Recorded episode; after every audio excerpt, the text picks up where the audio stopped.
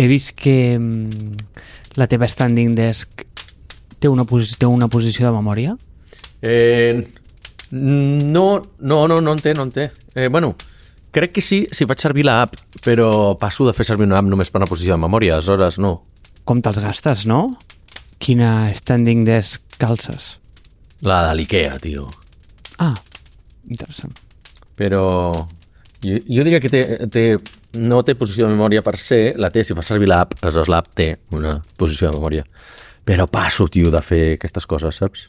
Vull posar-me una app per, pels quatre moments a la setmana que faig servir la standing desk, saps? Aquí passem de instal·lar-nos apps i passem de fer la retransmissió de l'event d'Apple com Déu mana i ho fem al més pur estil foc a terra, sí o no?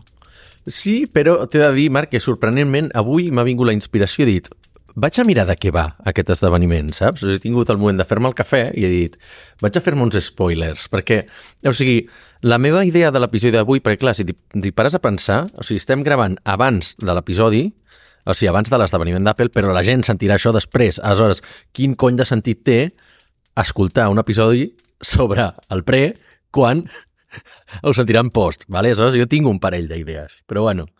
Un segon, un segon, un segon, perquè és que això... O sigui, aquesta idea que acabes de tirar aquí com si res, crec que mereix ser una mica més desgranada, perquè la idiotesa de tot plegat fa que fins i tot tingui sentit. O sigui, fixa't. Primer, ja d'entrada, o sigui, fer el, el review de la vent d'Apple abans de que aquest passi és... És bo. No, és estúpid, vale?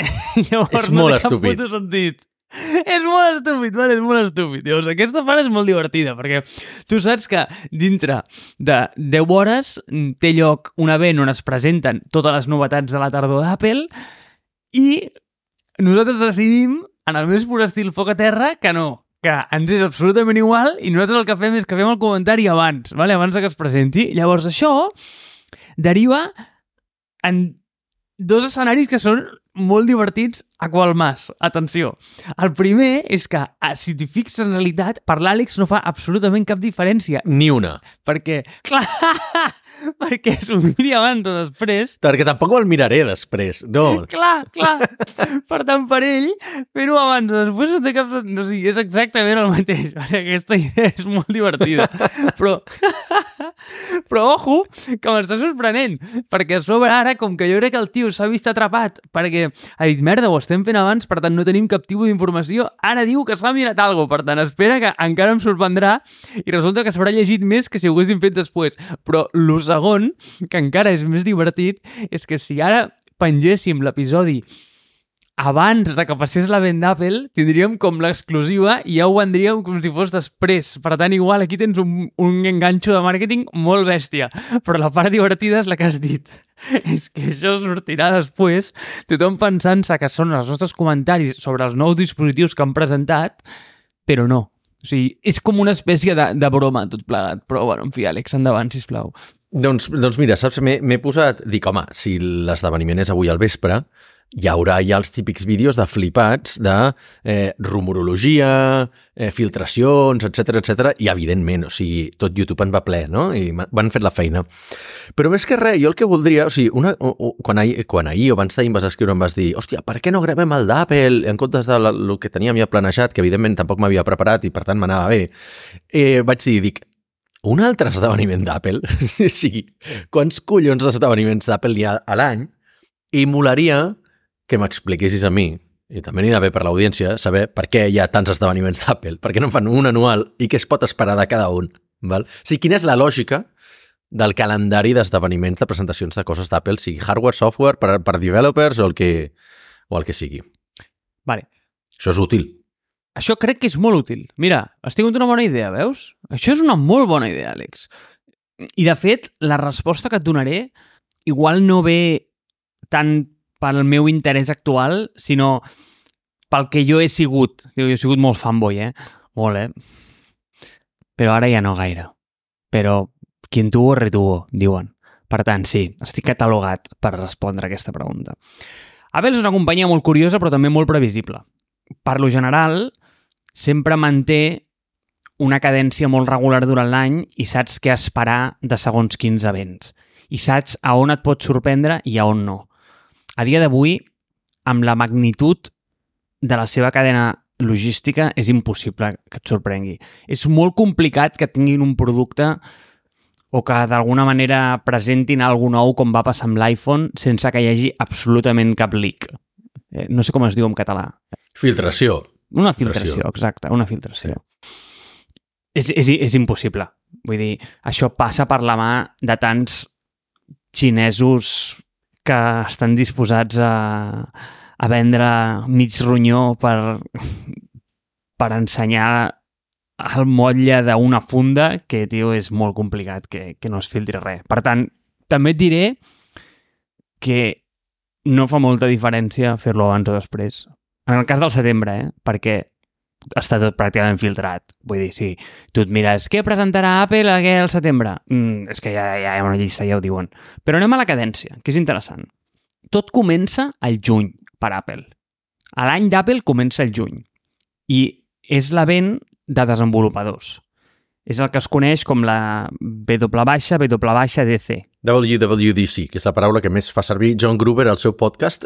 Aquesta. jo no sabia que es referia als primers episodis i tot el rato sentia WWDC. Però bueno, no. Vale, doncs has de quedar amb el DC, que és Developer Conference, no? Llavors és la conferència d'Apple de, per a desenvolupadors. En allà què passa? En allà sempre passa una cosa molt concreta i en poden passar d'altres. Quina és la cosa concreta? La cosa concreta és que en allà es presenten els sistemes operatius. Apple és una companyia molt previsible des de fa uns anys. Podem entrar en la història, eh? que jo crec que és superinteressant, perquè abans no era així. Pels històrics d'Apple, és a dir, hi ha gent que diu que és històrica d'Apple perquè es va comprar el primer iPhone. A veure, fill, fica't a la cua, saps o no? Vull dir, aquí hi ha gent que va veure mm, macOS nou, no? Doncs, pues, què et diria? Abans s'havia de pagar per fer una actualització d'un sistema operatiu. Èpic, això, eh? És a dir, tela, eh? eh a més, és molt curiós perquè eh, abans pagaves i jo vaig arribar a pagar 129 pavos per Snow Leopard, és que ho recordo perfectament. I saps quin era el claim de Snow, de Snow Leopard? Era que no portava cap funcionalitat nova. Val. Que era performance, entenc, sí. o tipus tot gràfic. Sí, tot performance, tot performance. 129 euros només per performance. Va ser un release molt històric perquè anem a dir que el feature que portava era que el sistema operatiu passava menys, i és veritat, ocupava menys espai, i també que bueno, va ser qui va introduir OpenGL en el, en el sistema i això ha, ha catalitzat després un munt d'iniciatives noves dintre de la plataforma, però això és una història d'un altre dia. Però en, tornem, estem al juny, d'acord? Ara, tots els sistemes operatius que Apple té sempre s'actualitzen a la part, a la vegada. És a dir, cada vegada que Apple fa, li, li dona el botó de eh, Git Push i té que actualitzar totes les seves plataformes, que són la de la televisió, la del rellotge, la del telèfon i la de l'ordinador. I, bueno, i ara la del Vision Pro, també, no? Eh, sobretot per tenir aquesta coherència entre sistemes operatius i que hi hagi aquesta interoperabilitat que ells tant en fan gala. ¿vale? Fins aquí està bastant clar, no? Per tant, al juny, què es fa? Al juny es presenten totes les novetats dels sistemes operatius. No es llencen, es presenten. I això dona tres mesos als desenvolupadors per preparar a les seves apps per al setembre, que és ara, que és quan aquests sistemes operatius es llencen al mercat, d'acord? És a dir, es publiquen i s'actualitzen. Per tant, ara, de dintre d'una setmaneta o dues, tots espereu que en el vostre terminal aparegui allò de, de la boleta vermella dient eh, l'has d'actualitzar, l'has d'actualitzar. Doncs aquesta és una mica la idea. Què passa també al juny? Doncs que de tant en tant al juny passen coses molt nerdy. Quines són aquestes? Històricament al juny es presenten no productes de consum per se, sinó que es presenten coses molt de pros o coses que vindran. Exemple, quan Apple va fer la transició a Apple Silicon, el developer kit del Mac amb Apple Silicon, que no era un M, sinó que era un A així apanyao, es va presentar al juny. El Mac Pro es va presentar al juny. Les Vision Pro, quan s'han presentat? Ara al juny. Val? A, la, a la Developer Conference passen aquestes coses es presenten les novetats dels sistemes operatius i de tant en tant es colen algunes coses nerdy. D'acord? Fins aquí bé? Doncs aquí bé. Té sentit tot plegat? Té sentit tot plegat. Vale. Entenc que també entre el juny i el setembre passen grans esdeveniments macro, val? que és una de les coses que, que han passat que poden alterar els plans, però no ho sé, perquè Apple també té un, un cicle de producte molt llarg. Aleshores, entenc que per bé que hi hagin guerres nuclears eh, entre juny i setembre, els plans no canvien o sí canvien? Hòstia, aquesta és una gran pregunta, Àlex, i és una pregunta que a mi em fascina, perquè vols que et digui que encara que el món s'acabi demà, jo crec que Apple seguirà traient iPhones nous? És que no li afecta res, és imperturbable, és acollonant. Per això, perquè ho tenen tot planificat eh, a dos anys vista, entenc. Sí, tio, o, o, o que treballen amb algun cartel de droga que diu, mira, nen, passi el que passi, aquesta barca surt d'aquí sí o sí i ja em pots enviar aquests iPhones cap a Shenzhen, que això té que posar-se a la venda el dia 1 d'octubre. És acollonant, tio, és acollonant, és com un rellotge. Però, en fi, setembre. Què passa al setembre? Al setembre sempre passen segurs dues coses. La primera és que s'actualitzen els iPhones sempre, com un rellotge, des de l'iPhone 4S. Abans no. Abans, curiosament, els iPhones s'actualitzaven a juny i no en una cadència anual. El primer iPhone, Steve Jobs aquella presentació la va fer, la va fer el gener, i el primer iPhone es va treure a juny, i sempre anaven a cadència de juny, fins que va haver-hi la única cosa que es... bueno, ara no, no és la única, però és una de les més flagrants que és una cosa que Apple va presentar dient que traurien dues setmanes i no la va treure en un any i mig, que va ser l'iPhone blanc, el 4. Me'n recordo. Mhm. Aquest va ser l'iPhone de l'antena Gate que va rebre a meitat de cicle un canvi que van aprofitar per treure una nova companyia que va ser Verizon als Estats Units i això va donar per fer com un upgrade mid-cycle on va sortir el blanc ja amb el nou xassis i li va donar com sis mesos més de vida. I després, a setembre, va sortir el 4S, que va ser la presentació que van presentar Siri, encara me'n recordo, i a partir d'aquí sempre ha anat any any, com un rellotge, des del 4S. Hòstia, flipo com me'n recordo d'això, tio. Jo eh, flipo, però no flipo, perquè ja m'ho esperava que tu sapiguessis. Eh, ara bé, eh, si t'ho haguessis preparat, perquè tu no sabies de què anàvem a parlar, per tant, si el que flipo és que sàpigues això de manera improvisada, no de manera endreçada de sé que m'ho preguntarà, perquè aquest podcast, en el cas que ho tingués, de tenir com un, un, gui, un guió, t'ho haguessis preparat i ho haguessis trobat ràpid, però completament improvisat és, eh, és de matrícula d'honor. Sí, molt bé. Ets un puto nerd d'Apple, Marc, ja ho saps. Sí, exacte, sí, no. Vale. Un no es guanya la vida amb això, eh? Però gràcies, Àlex.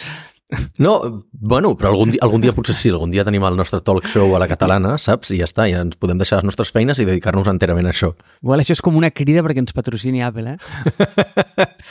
Exacte, sí, perquè amb el Lleno ho farà, per tant, ens patrocini Apple.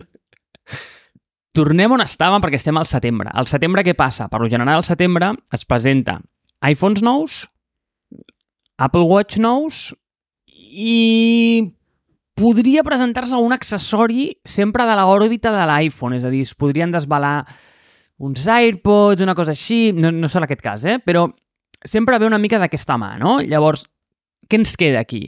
Aquí ens queda els iPads i els Macs. Quan es desvelen aquests? Per lo general, històricament, a l'octubre, sempre hi havia un event que era el dels iPads. És veritat. I era el que, el que es desvelava. Sempre, era al cap d'un mes, una cosa així. Un cop ja s'havia llançat els nous iPhones. Què passava llavors? Llavors, només hi havia, o anem a dir que la gamma de producte d'iPad estava més tancada.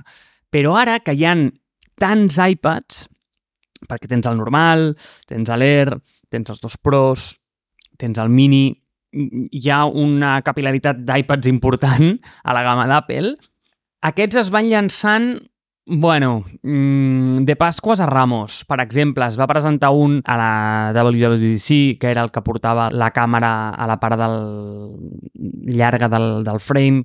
Hi ha molta gent que ho espera això pels nous, per l'Air i pel Pro.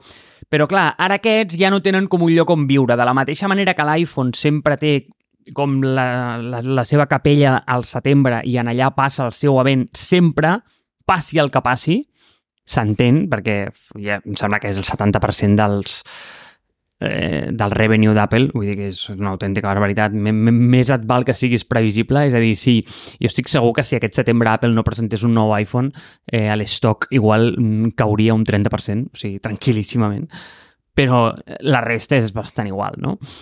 Eh, És a dir, és com qui volgués tenir el negoci dels Mac però per Apple és un negoci de merda. No sé si m'explico. Eh? O sigui, no, no, no és de merda, eh? però vull dir, qualsevol empresa estaria com a l'SP500 només sent el negoci dels Mac, però per ells és com, hòstia, tio, és, bueno, una cosa més. Bueno, i, i si només tinguessin els AirPods seria una de les startups que més facturen, saps? Seria una empresa plenament eh, rendible. Absolutament, absolutament. Vale. Eh, llavors, abans sí que hi havia com aquesta, aquesta venda octubre que sí que era bastant previsible als iPads, ara ja no tant, val? ara ja una mica més bajo demanda, i històricament, al març solia haver-hi un event on es presentaven els Macs.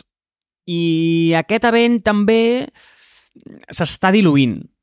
També és cert que fa molts anys, al març, a vegades, apareixien dos events molt curiosos que eren un molt enfocat a educació, on podia presentar-se alguna cosa, i un molt enfocat a música, on en general abans hi havia els iPods, eh, es feien moltes actualitzacions a iTunes, i s'explicaven les funcionalitats, llavors hi havia un event musical, que ara igual podria venir una mica de la mà del HomePod, dels AirPods, però Apple jo crec que té tantes coses en el, en el product line que el que fa Àlex és que a vegades et dona, saps allò de Nadals eh, al maig, i agafa una setmana de maig i cada dia presenta alguna amb nota de premsa.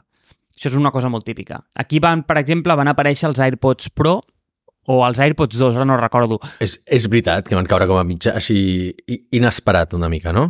Exacte, llavors el que fan és que no fan un event per se, sinó que el que fan és que ho introdueixen amb nota de premsa. Això és una cosa superimportant de saber d'Apple. Apple mai fa presentacions en events externs, com Exacte. el Mobile World Congress, o la IFA de Berlín, o el, o el CES de, de Las Vegas de, de gener. Mai fa aquestes coses, Apple. Apple sempre controla d'extrem a extrem el seu missatge de màrqueting, cosa que és molt curiós. Bueno, també perquè hi hauria filtracions, perquè tu, evidentment, en aquestes conferències hi has d'anar a dir...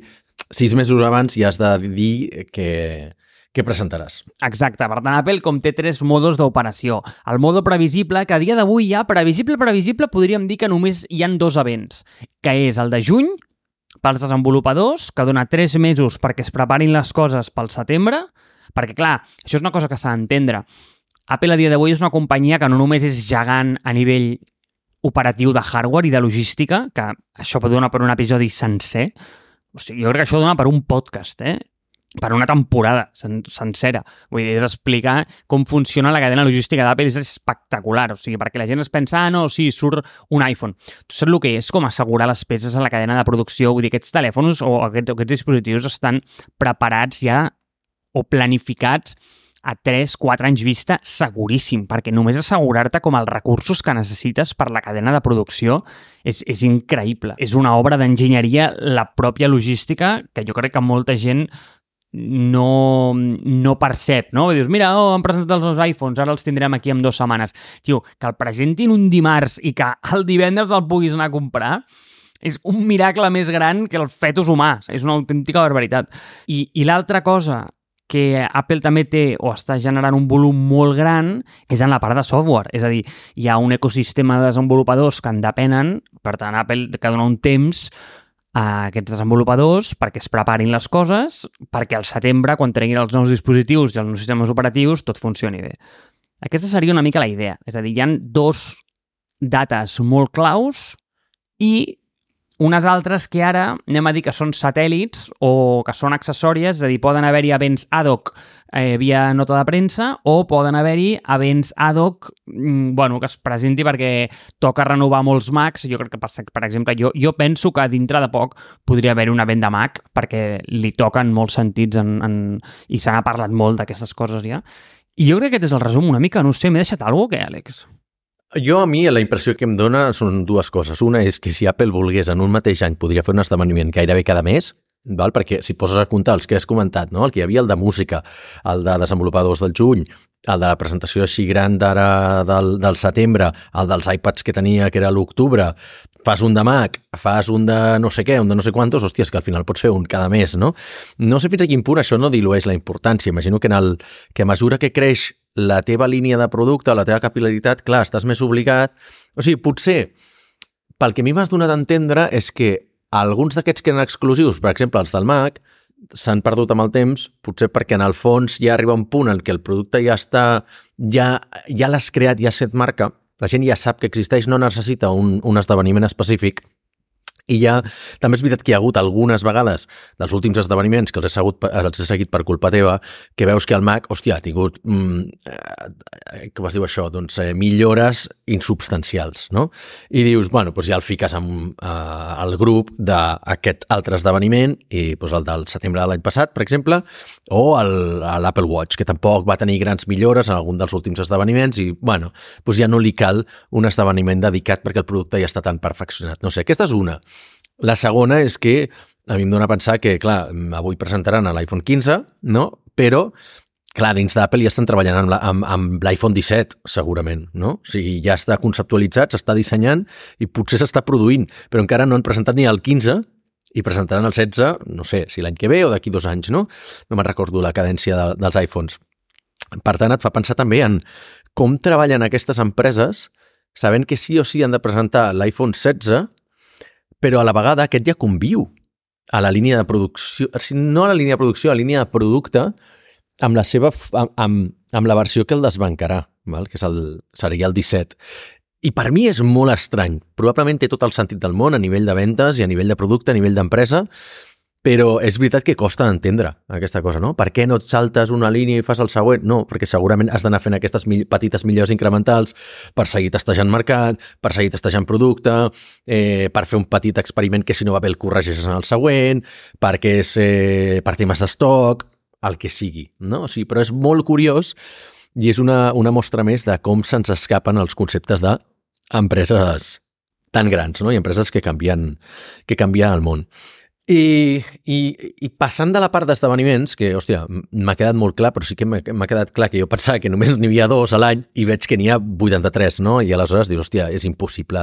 Impossible de seguir si no ets un fanàtic d'Apple, no? Si, si no ets un fanàtic d'Apple, segurament t'has de quedar amb la presentació de l'esdeveniment d'avui i poca cosa més. I els altres, doncs, bueno, si te n'assabentes bé i si no, doncs no passa res, perquè ja ho aniràs llegint. Segueix Mac Rumors o algun altre web d'aquest estil i ja està Val? Tampoc, tampoc perdrem el cul per aquest tipus de, de coses, el que ni ens ve ni ens va Apple, però és veritat que és força trobar interessant perquè, clar, mm, veig que cada X mesos tu em vas dient ei, tio, hi ha esdeveniment d'Apple, l'hauríem comentar. Jo pensant, dic, eh, cada quan n'hi ha un. O sigui, aquest, en aquest que es tracta, no? Per tant, està, està bé.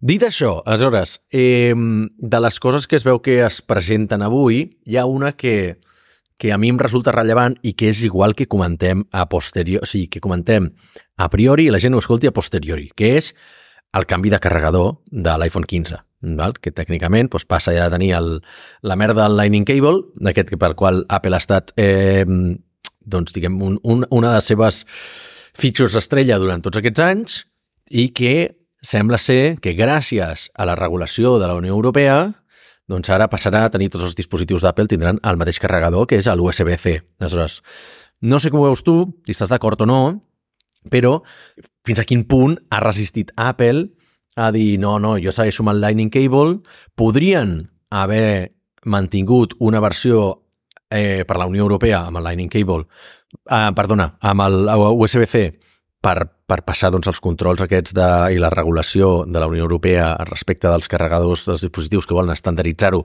el més possible i una versió de fora de la Unió Europea amb continuant el Lightning Cable. Però suposo que han vist que dius, bueno, això ja no sé quin sentit té, eh, probablement els surt més car a nivell d'empresa o el que vulguin, però el mercat els han dut cap, a, cap aquí. Com ho veus tu, aquest canvi? Mira, generalment i a més temps passa, els events de setembre solen ser molt avorrits. Per què? Perquè un telèfon o qualsevol dispositiu, a mesura que madura, es consolida i...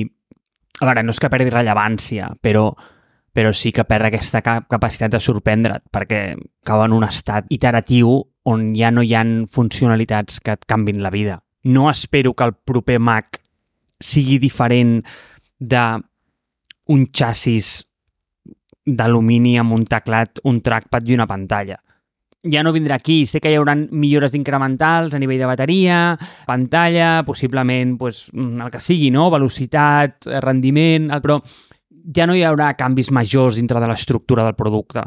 Amb els iPhones està passant igual, no sé si t'has fixat, però vull dir, els últims Avorridíssim. per pagar-te un tiro. O sigui, els últims potser 10 esdeveniments d'Apple de l'iPhone, ostres, Àlex, han estat per oblidar, eh? Mm, Sempre és "Oh, una mica una, la càmera una mica millor, oh, ara és molt més ràpid, oh, ara la pantalla... Ostres. Aquesta és la broma. Exacte. És, bàsicament és, és, és una mica més gran, és més eh, resistent, és més ràpid i té una millor càmera. I, eh, i el que també ven a dir és i també és més car. Exacte, i, i sobretot l'últim, sobretot l'últim. És increïble Apple la capacitat que té, i això és un tema per un altre podcast, de generar insensibilitat de preu El preu. a la part de dalt de, de, de, de la seva base de, de clients, és increïble. Però, dit això, tornem a l'USB-C, eh, estic totalment d'acord amb tu, em sembla com el canvi més rellevant que s'ha fet, però donar una mica de context històric, eh, abans de Lightning recordes el que hi havia o no? Ah, jo no tenia iPhone. Eh, jo em vaig incorporar amb el 6, si no recordo malament. No ho sé què hi havia, no. Quin hi havia? Hi havia el... Ah, sí, clar, no, hi havia el mateix que el del, que el del iPod Touch, o no? Tenia aquell dels pins, sí? Sí senyor, es deia 30-pin connector. 30 pin connector, correcte, sí, sí, perquè clar, jo vaig tenir una, un iPod Touch que vaig guanyar en un concurs de la Uni i, era la, la meva única cosa, la primera de l'ecosistema Apple que vaig tenir, i el vaig tenir el, bueno, això, el 2008 o 2009, Sí. sí. recordo. I és veritat, i clar, que aquesta és una de les putades que tenies el carregador per aquest, jo aleshores no tenia ecosistema Apple, eh? el carregador aquest per, per iPod Touch, però per un mòbil tenies el micro USB, no mini USB, i per a una altra cosa ho carregaves amb USB normal i una altra cosa tenies el mini USB, saps? Vull dir que hi ha hagut una, una manca d'estandarditz- d'estandardització bastant, bastant flagrant, no? Bueno, el connector de 30 pins ja de per si va ser un pas endavant, perquè, és clar, és que veure, aquesta dada és molt nerdy i poca gent la recorda, eh? però el primer iPod, és, és a dir, tots aquests productes, és a dir, els, eh, tots aquests connectors tenen una base per sota de mm, protocolària. Mm, va- Vaig a intentar explicar aquest concepte perquè no és fàcil. O sigui, quan Apple, per exemple, et ven que en els seus ordinadors hi ha Thunderbolt, Thunderbolt no és físicament el pinxo que claves. Thunderbolt és el protocol que corre per sota. Llavors, Thunderbolt i USB-C poden compartir Sí, correcte. la, la, interfície on tu connectes el connector, però per sota el que hi ha és diferent. És a dir, el protocol que corre és molt més ràpid al Thunderbolt, però aquest és propietari i és d'Intel, que no el que hi ha, per exemple, amb un USB-C. D'acord? És per això que eh, permet velocitats de pujada i de baixada més ràpides. El que passa és que és molt confús perquè tu en un port Thunderbolt pots connectar un USB-C i viceversa. Bueno, viceversa no, depèn de la interfície que porti aquest Thunderbolt, perquè pot venir amb diferents interfícies.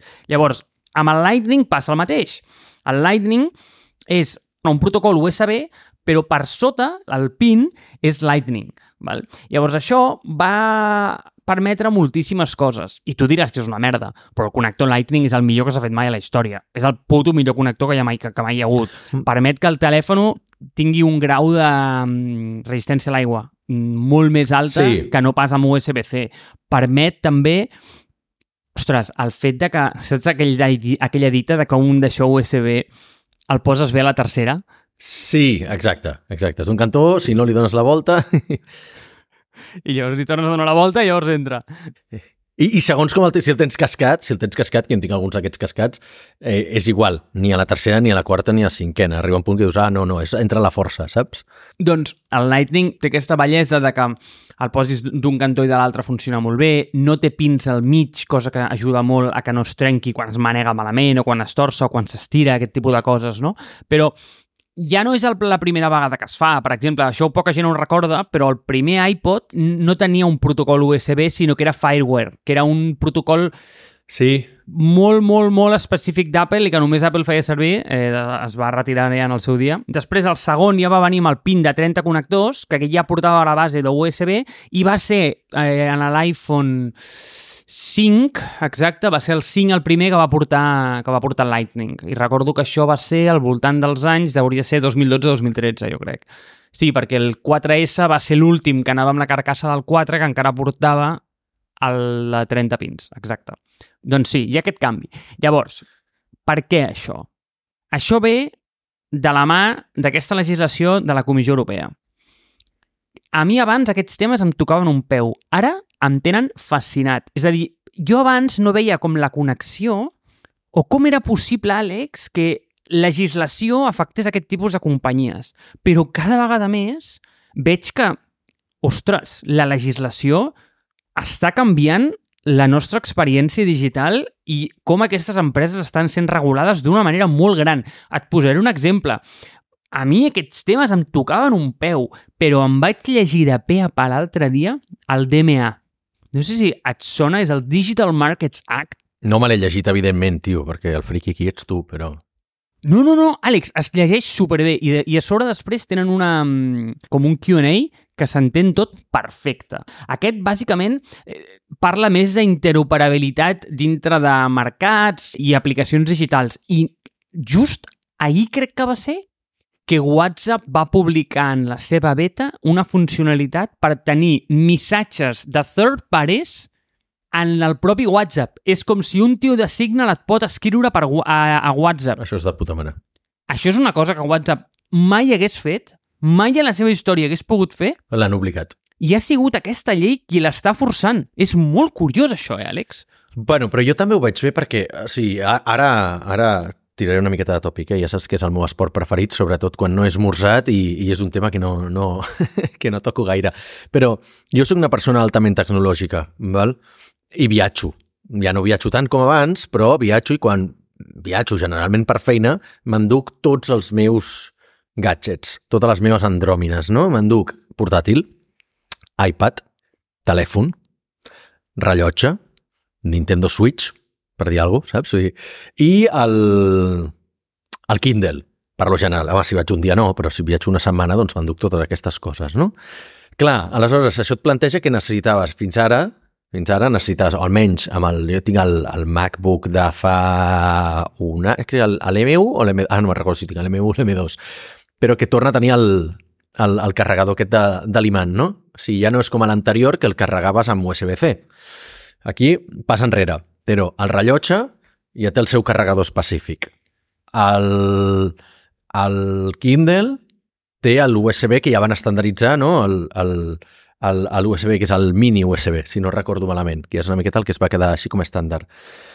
Els... Ah, no, clar, espera, els AirPods, els AirPods porten USB-C, si són els nous, però si en el cas que tinguessis els antics, anaven amb el, amb el Lightning. I el telèfon, ara vaig amb el, amb el 12, i el 12 té Lightning, val? Aleshores, hòstia, o sigui, el fet d'haver canviat, per exemple, els AirPods aquest any, em va tocar una mica els ous perquè no tenia jo un carregador USB-C. Val? Aleshores dic, hòstia, abans els AirPods i el telèfon el carregàvem el mateix, em compro els AirPods nous perquè els anteriors em van patar i dic, merda, no tinc un carregador USB-C, val? O necessito dos perquè un el tenia per, per alguna altra cosa pels, per aquests cascs, eh, aquests auriculars que porto ara, no? O sigui, és un fotimer de carregadors. I de vegades viatges i hòstia, penses que s'ha agafat el cable que toca i no s'ha agafat el cable que toca, val? perquè una cosa és el punt de connexió amb el dispositiu, però l'altra el punt de connexió amb el, amb el terminal de càrrega, no? amb, amb l'endoll, o si l'has d'enxufar al portàtil. I és clar, com vagis amb, el, amb els Macs nous, que només tenen dos USB-C, hòstia, espera, que no puc carregar dos coses a la vegada, saps? Vull dir, aleshores, igual he de dur-me també a l'endoll per posar-lo a la corrent, però assegura't que has agafat, has de portar les dues versions, el que té USB antic i el que té USB-C, perquè segons quin tinguis... O sigui, has de portar una combinatòria de cables al·lucinant. En aquest cas, clar, la, la regulació té tot el sentit del món, no? Perquè diu, hòstia, primer, que més me'n recordo que una d'aquesta part de, part de la regulació venia amb què, si no recordo malament, Apple no et donava els carregadors, no? Quan, quan compraves el, els dispositius no et venia amb, amb els carregadors. Se'ls va haver d'obligar. O vaig equivocat. Em sona que, que, anava, que anava per aquí. Si en un determinat moment tu compraves el mòbil o el que sigui i el carregador l'havies de comprar a part, no?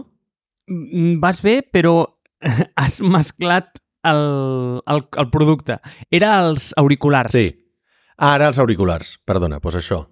Sí, a Apple, des del... crec que és l'iPhone... Ai, diria que és el 11S el que va fer i ara podria estar equivocat amb el, amb el número, eh? perquè ja et dic, la història recent d'Apple jo no la tinc molt clara. Jo tinc molt Clar, més clar. clara la història històrica que no la recent. A l'11S va deixar de portar el carregador a dintre del, del terminal, és a dir, de, de la capsa, Exacte. però per, per un tema de, de, de sostenibilitat. Eh, I va ser que l'anècdota que tu comentes no era amb els carregadors, sinó que era amb els Val, auriculars. val, val. Doncs això, que al final acabes viatjant amb un fotimer de cables. Val? De fet, arriba un punt en què quan portes molts cables i molts dispositius electrònics a la... Més els cables que els dispositius per se, és més fàcil que et parin els controls de l'aeroport. Diuen que les persones, m'ho han dit més d'un cop, eh, jo soc la típica persona que sempre em salta el, el, el control aquest random, diuen, tens més números si vas carregat de cables. Val? No si portes tres portàtils. No, no, si portes molts cables fa saltar més les alarmes, no? perquè és el més similar potser a un dispositiu que pugui explotar una bomba. Val? Això és, poca gent ho sap, però és veritat que a mi em passa molt sovint i dic, hòstia, al final acabes fent una bossa només de cables per dir, ei, és la bossa dels cables i ja està, i que estigui allunyada dels dispositius i, i és més fàcil que passis el, el control. I l'altra aquesta, al final és com un, hòstia, mm, segurament hi ha un mercat de cables, però quin sentit té no estandarditzar-ho. Si, si al final tot passa per càrrega, són protocols similars, eh, hi ha un que és més eficient que els altres i tal, ja no sé si a nivell de, de medi ambient té algun sentit o no, eh? probablement també el tingui. Però, collons, estandarditzem les coses. Vull dir, bé que hi ha hagut coses que encara queden per estandarditzar al planeta, com són els collons d'endolls val? i les vies de tren, en algun sentit, però són casos ja molt específics, però tot tendeix a, la, a, tendeix en l'estandardització, sobretot quan viatges, no? O aquest tipus de coses, quan tens un món molt més connectat i molt més globalitzat, doncs, home, té sentit que si el guany diguem, la humanitat no es beneficia que hi hagi diversitat de cables per carregar les coses. Al contrari, no n'hi ha cap ni una. És més dolorós. El guany per la humanitat quin és? El que hi hagués un cable que et permeti carregar tot. Val? Sigui, s'hauria d'invertir en fer aquest tipus de coses. Val? Ja està. Però bueno, ja saps, també té molt a veure amb el, amb el concepte que dèiem a l'anterior episodi, o fa dos episodis, del bundling and bundling, no? O sigui, quan tens... Al principi segurament tenia molta, molt de sentit quan es començaven a carregar els dispositius doncs que cadascú desenvolupés el seu propi estàndard, hardware eh, pel, i protocols de, de càrrega pels cables, perquè, hòstia, el meu dispositiu doncs, li va molt millor, jo li puc ficar això, i per tant Apple doncs, va fer el Thunderbolt en aquest sentit, hi havia dispositius que feien el micro USB versus el, el mini USB perquè per, pel tamany del dispositiu, per costos, pel que tu vulguis, però és veritat que arriba un punt en què ja és tan petit el guany que té sentit, dius, bueno, em costa una miqueta més a nivell d'empresa, el dispositiu ja puc pensar-lo en, en estandarditzar-lo, em costarà a curt plaç, però a llarg plaç és molt millor, i que tingui més interoperabilitat amb altres tipus de cables i pensar, dir, vale, anem a estandarditzar. I arribarà un punt en què quan ja només hi hagi un puto cable al planeta, tindrà sentit que algú investigui un altre cable que sigui millor, perquè si no, allà s'acaba la innovació i tornes a començar el cicle aquest de unbundle, no? Tens un cable de càrrega i algú dirà, no, vale, és que el cable de càrrega aquest ja no està innovant suficient, estava, eh, tenia el problema aquest de d'haver tocat un cert sostre a nivell de, del que sigui, no? de límits físics, probablement, però si repenses la tecnologia i fas un altre tipus de cable amb uns altres dispositius començant des de zero, no? tabula rasa, és veritat que pot ser que acabis amb una tecnologia que sigui 10 cops millor, més eficient, més, més neta, més ràpida, etc etc. Per tant, la meva predicció és que això passarà, però en aquest cas aplaudeixo la legislació de la Unió Europea en aquest sentit eh, que ha fet canviar inclús una empresa americana, no? amb, amb, tècnicament l'empresa més valuosa del món, eh, i l'ha fet abdicar en aquest sentit. Clar, però també tela que t'hagis de gastar 1.500 euros per poder reduir un cable, no? Vull dir, té collons. Sí, home, no crec que la gent ho faci per això. O sigui, la gent que la gent que compra el, el que dius tu, la gent que compra el nou iPhone que sortirà perquè el vol tenir, o sigui, li xupa un peu el concepte del cable. Li és absolutament igual perquè són gent que té zero sensibilitat amb el preu i segurament té zero sensibilitat amb el medi ambient també. Són coses que van, van relacionades normalment, no? Aleshores, jo crec que no els, in, no els importa. Però vull dir, la gent no es canviarà el telèfon per canviar el cable. Absolutament no. Al contrari, la gent es canviarà el telèfon encara que li suposi tenir un cable nou. Això és el que passarà.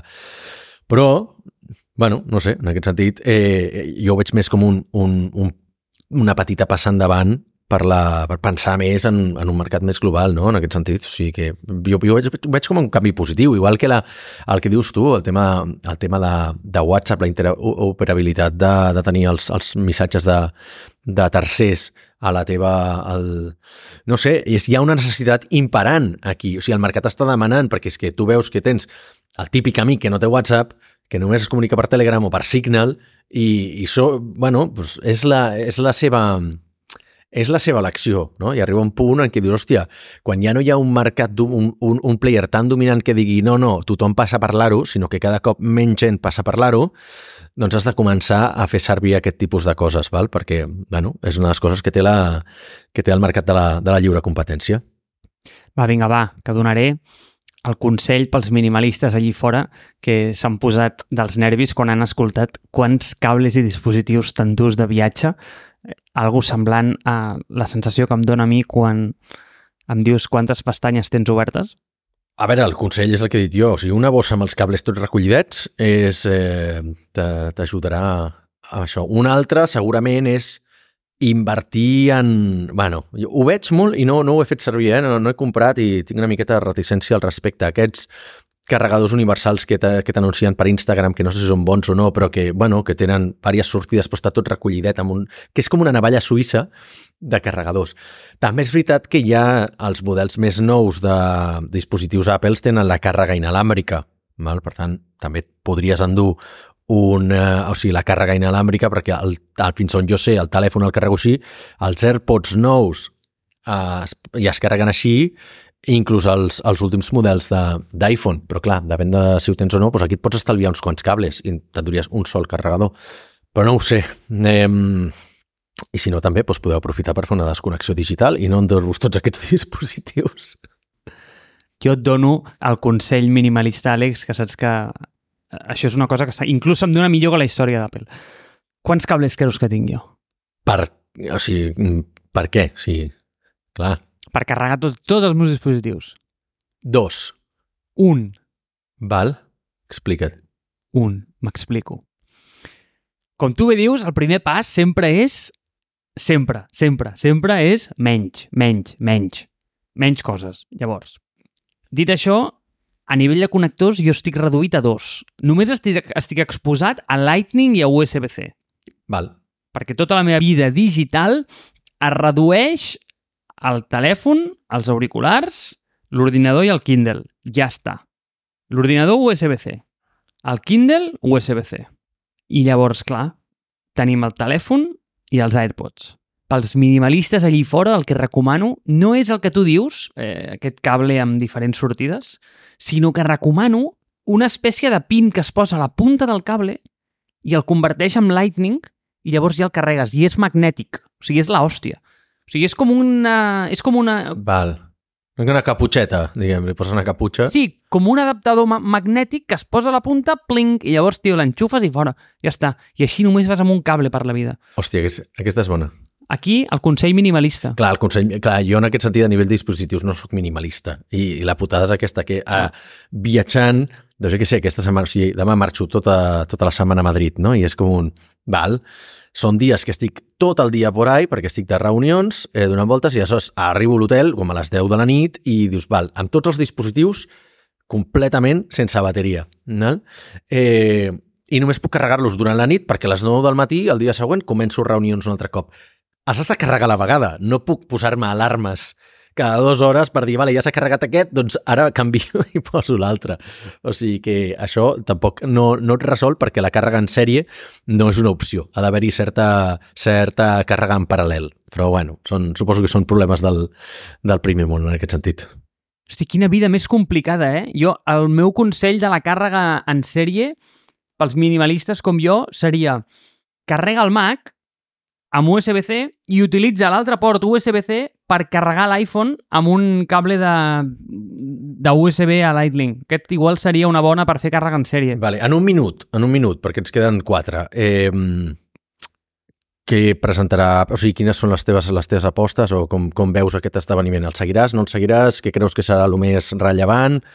O, o en què creus que encertaríem si, si féssim pronòstics? A veure, el seguiré perquè, mira, saps per què? És com el futbol. A mi el futbol no m'agrada, però si els meus amics el van a veure, doncs, mira, saps que els acompanyo. pues aquí tinc un grupet que són Apple fanboys, que baixen un projector i en una sala pues, ens posem tots allà a menjar palomites i a veure pues, eh, Vichy o Coca-Cola Zero. bueno, ells birres, òbviament. I, I comentem la jugada, però bueno, és més un acte social que una altra cosa. Llavors, què fa, presentaran? Pues, bueno, segur, segur, segur, rellotges i telèfons, segur. Què t'esperes? Pues más de lo mismo. O sigui, algo iteratiu, USB-C evidentment em faran molt feliç, no em penso gastar 1.500 euros per un telèfon perquè li canvi el port, gràcies. Eh, vaig amb un iPhone de l'any 2018, no serà aquest el que em farà canviar, així que no espero gaire cosa més que això, eh, ja et dic. És que, si em vols que et digui la veritat, crec que tu saps més coses d'aquest event que jo, Àlex. Doncs mira, eh, està bé perquè que crec que seria un bon claim per... O sigui, igual que va sortir l'actualització la, aquesta del, del sistema operatiu per la qual vas pagar i dius que no portava ninguna feature, jo crec que avui en dia d'Apple el que s'hauria d'esperar és que ja no, no fes cap tipus d'innovació, no? O sigui, que els dispositius simplement els fessin com això, que durin més les bateries, que siguin millors les càmeres i poca cosa més, saps? Vull dir, perquè posin autèntiques collonades que després no acaben funcionant com la Touch Bar i, i no sé quines altres històries que, que han estat eh, grans fracassos, val? Doncs potser que, potser que deixem-nos de, de, de segons quins invents. També és veritat que si no innoves, si no fotem, tampoc caiguem en la, el ridícul, eh? si no innoves no tens grans salts tecnològics, però home, n'hi ha alguns que veus que són canvis més purament estètics, i em diràs tu qui va pensar que la Touch Bar seria un gran invent i, i ha acabat sent un dels ridículs més grans de la història de l'empresa, no? Però, però bueno, sí, crec que hi ha més canvis que van més orientats a l'estètica i no a la productivitat i on Apple s'hauria de, de focalitzar és en les línies que fan específiques cada, cada un dels seus dispositius. I pel rellotge, focalitzar-se més en temes de salut, pels portàtils, temes de productivitat, pels iPads, temes de mídia i entreteniment, i el telèfon, en què sigui un telèfon, saps? Que no l'hagis de carregar cada, cada 4 hores, que tingui bona cobertura, saps? Que tingui, evidentment, accés a el que tu vulguis fer servir un telèfon i que, i que et duri. Mm, jo, jo ho tindria bastant clar en aquest sentit.